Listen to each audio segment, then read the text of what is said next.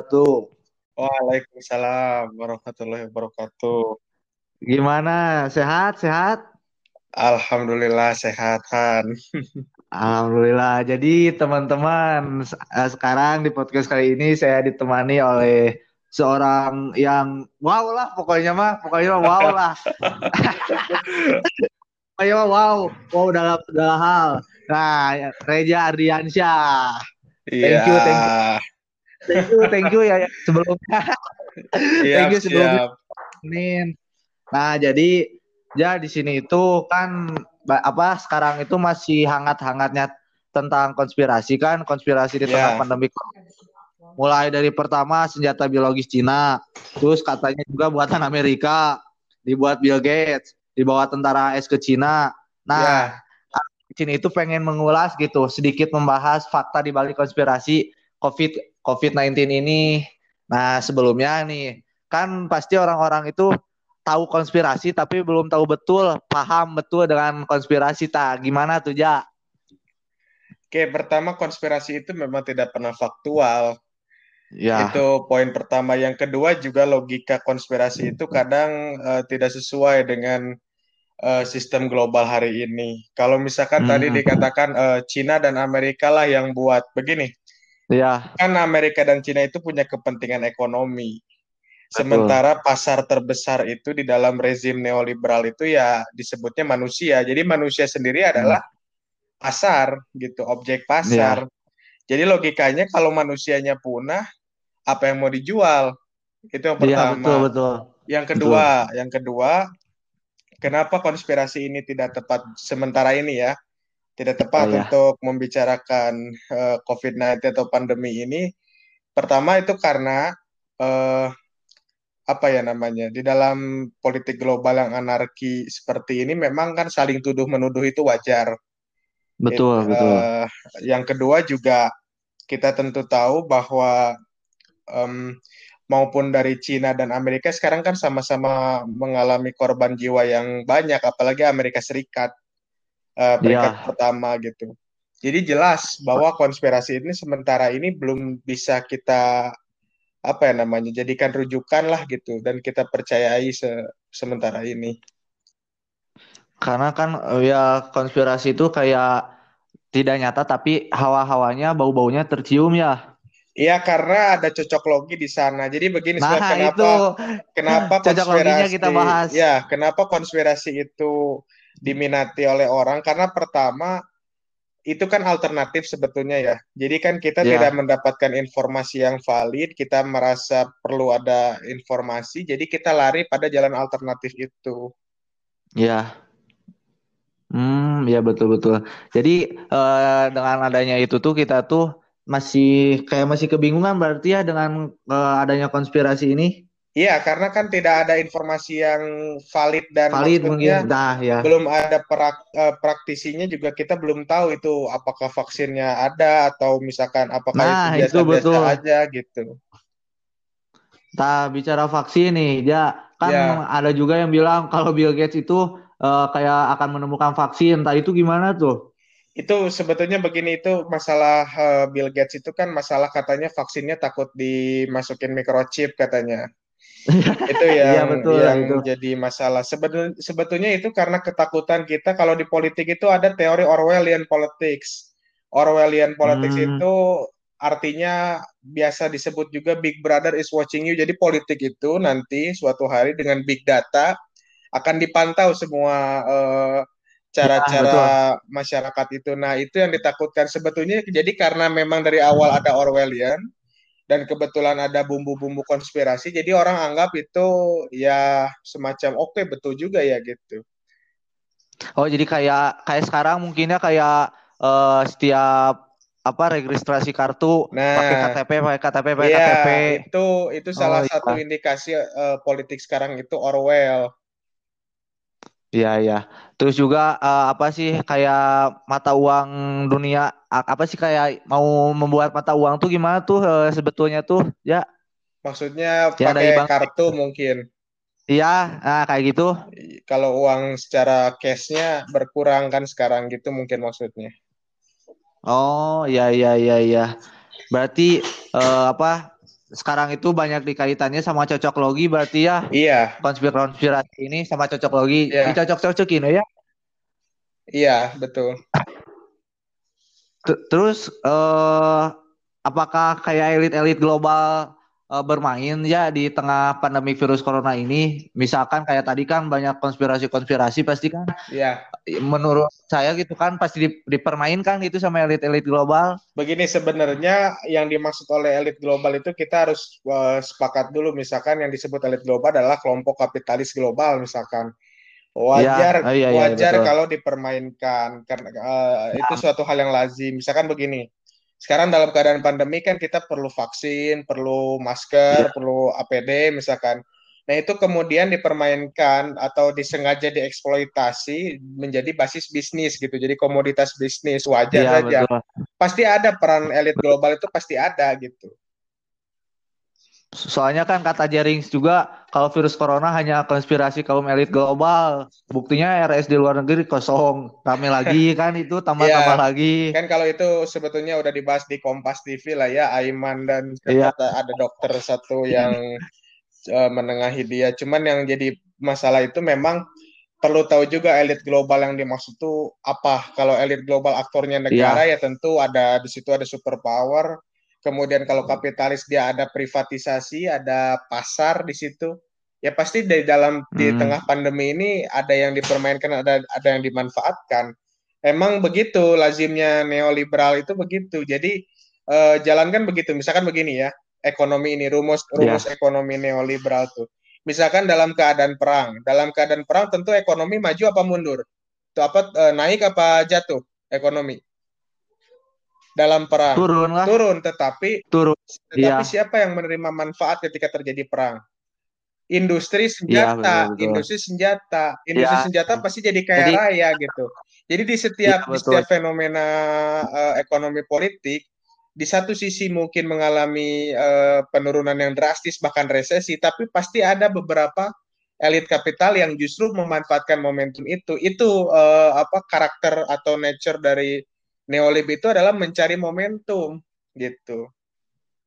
Hmm, ya betul betul. Jadi mencari uh, kayak mencari kesempatan dalam kesempatan mungkin gitu. Iya, ya. kurang lebih begitu. Berarti dari uh, Reja sendiri percaya nggak kalau misalkan adanya teori konspirasi soal virus corona ini? Kalau percaya keberadaan teori konspirasi sebagai suatu teori ya tentu ada ya karena percaya uh, karena percaya memang kan itu. itu juga uh, apa namanya karena keresahan juga sebetulnya. Tapi kalau untuk percaya betul tidaknya misalkan Bill Gates atau Rockefeller atau segala macam itu kan kita belum ada bukti uh, konkretnya gitu. Ya betul. Jadi nah, kalau teori sebagai betul. sebagai apa konspirasi sebagai teori, oke okay lah kita bisa kaji itu secara metodologi. Ya. Seperti uh, konspirasi itu sebetulnya secara kultur dekat dengan kritik Marxis kepada kapitalis. Jadi uh, memang belum hmm. terjadi ke kehidupan yang komunis misalkan atau segala macam tapi kan kritik-kritik yang diberikan oleh Marxis atas kapitalis itu masuk akal juga misalkan kemiskinan terjadi karena ada yeah. penetrasi pasar ada uh, namanya yeah, apa hegemoni kapitalistik seperti itulah jadi sebagai teori bisa yeah. kita perbincangkan tapi kalau dipaksa menjadi suatu fakta apalagi jadi wacana yang berlebihan juga Nah, itu betul betul. Karena kan sekarang banyaknya itu bukan perihal teorinya tapi isu-isunya ya. Iya, karena kan isu lebih cepat daripada metodologi keilmuan gitu. betul betul. Tuh, ya kan bicara Bill Gates juga sekarang itu kayak dia itu menjadi uh, apa sasaran. Iya. Sasaran menjadi apa sih sasaran tujuan konspirasi iya. ya. Mm -mm. Berarti apakah ada yang salah gitu dari Bill Gates Bill Gates sendiri gitu? Ya kalau misalkan dari aja sendiri. Sebetulnya bukan salah Bill Gates atau yang apa namanya mengkonspirasikan dia. Tetapi memang itulah ya, uh, itulah itu uh, apa namanya semacam uh, itulah uh, konsekuensi hidup di zaman globalisasi seperti ini. Kan media nah, meliput, itu, media itu. meliput juga orang-orang punya banyak pikiran, jadi ya wajar saja gitu hal yang hal yang wajar dan lazim di dalam uh, masa sekarang gitu. Berarti tidak tidak aneh lah ya dengan Iya, karena itu. kan memang sekarang kita kita telah Hmm, hadir di post-truth era tuh. Eh, era pasca kebenaran. ya. Jadi kebenaran itu kan kalau dulu betul-betul diucapkan dengan jujur, misalkan kalau sekarang justru basis massa menentukan kebenaran dan kebohongan gitu.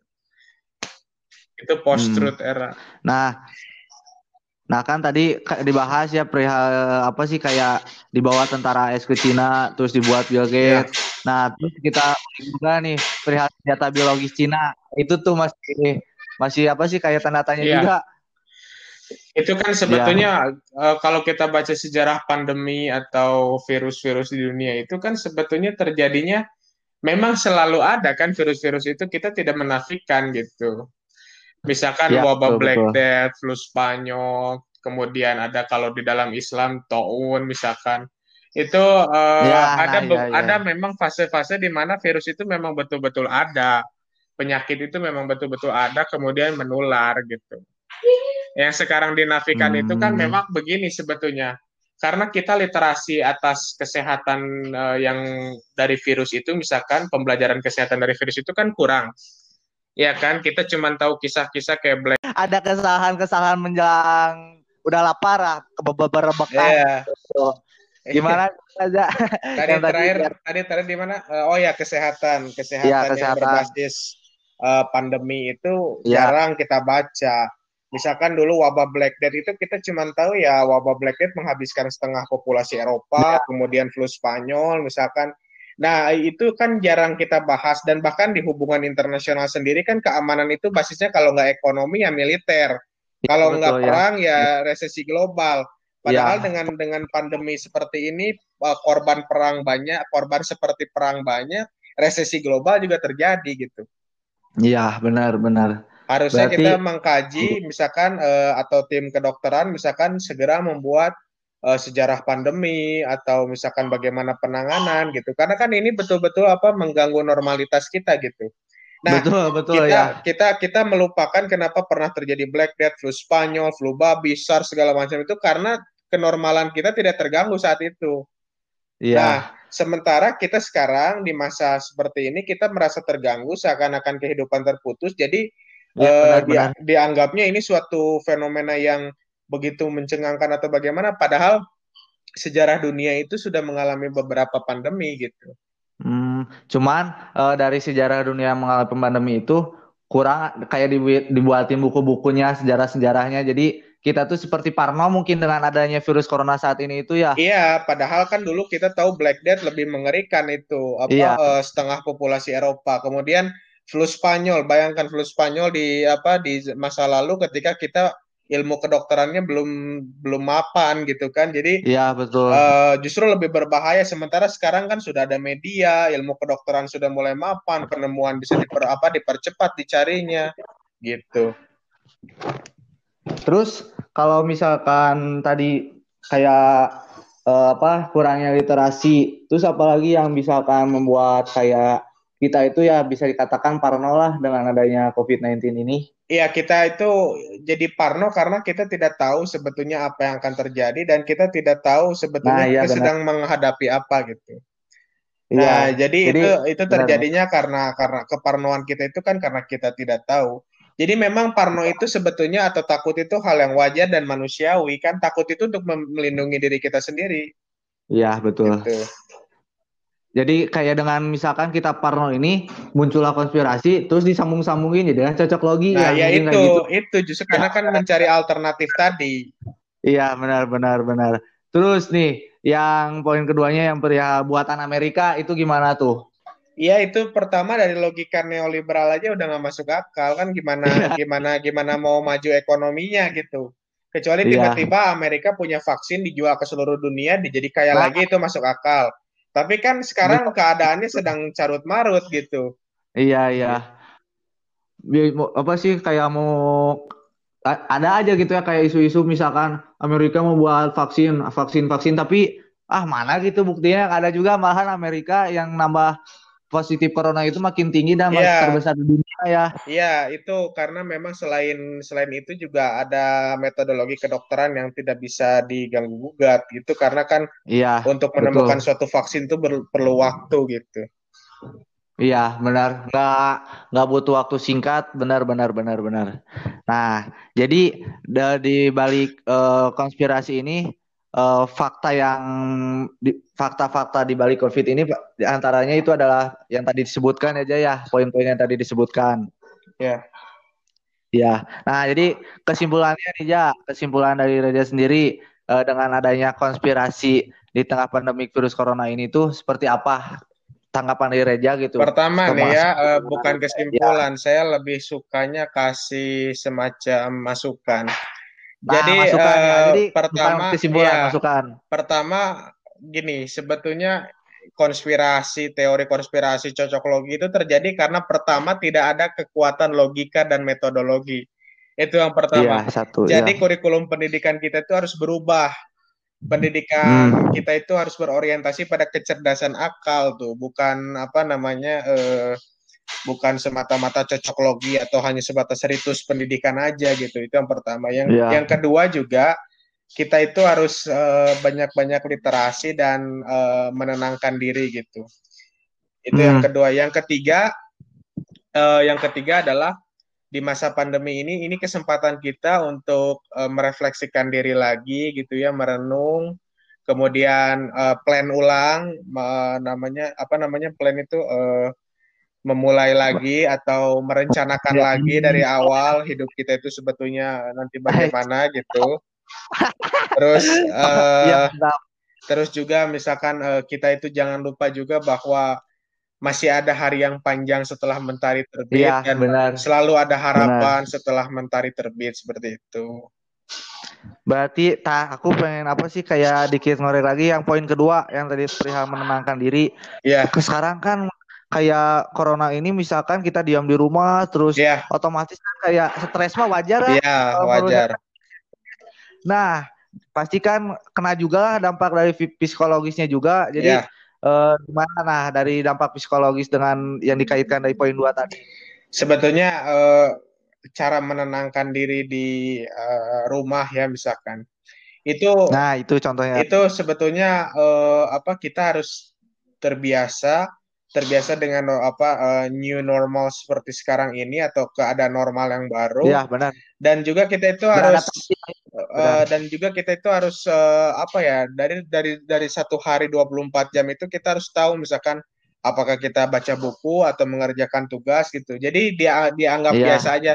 Tapi kalaupun misalkan uh, jalan keluar rumah itu kan sebenarnya nggak ada masalah kan jalan keluar rumah sedikit apa bolak balik itu nggak jadi masalah nah refreshingnya begitu atau misalkan nonton atau segala macam lah apa pun sebenarnya bisa dilakukan kan manusia itu bisa melewati masa-masa ya, sulit benar. gitu terbiasa karena bisa karena terbiasa mungkinnya ya, bisa kita lain gitu ya. ya benar Nah, terus itu yang perihal pendidikan nih. Kayak contoh kita sedikit ulas saya perihal kuliah online atau enggak belajar dari rumah. Yeah.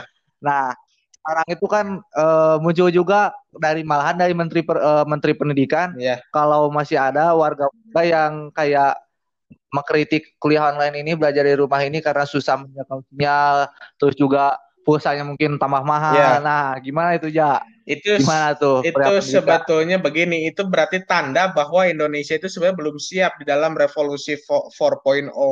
Nah, itu sebetulnya betul. belum siapnya. Kenapa ya? Karena kemampuan kita, kemampuan ekonomi maupun uh, pengetahuan kita kan kurang juga.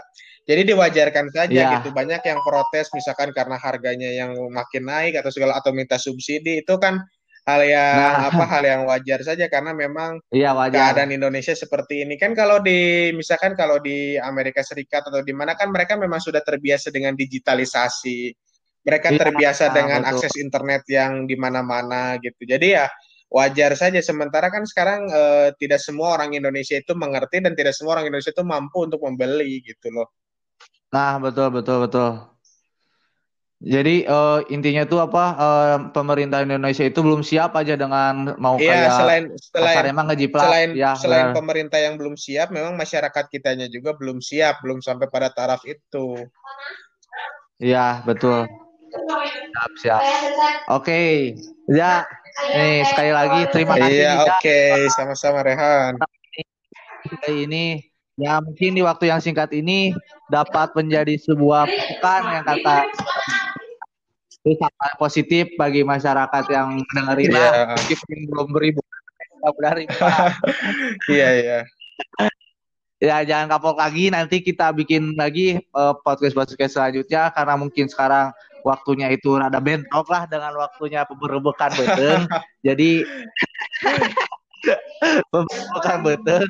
Jadi ke cukup nanti kita lanjut lagi. Oke, okay, ya, okay? siap, siap, siap. Terima kasih banget ya. siap, ya. Jangan kapok nih. Okay. Jangan kapok. Jangan kapok. Oke. Okay. Jangan kapok. Siap. siap. Assalamualaikum warahmatullahi wabarakatuh. Waalaikumsalam warahmatullahi wabarakatuh.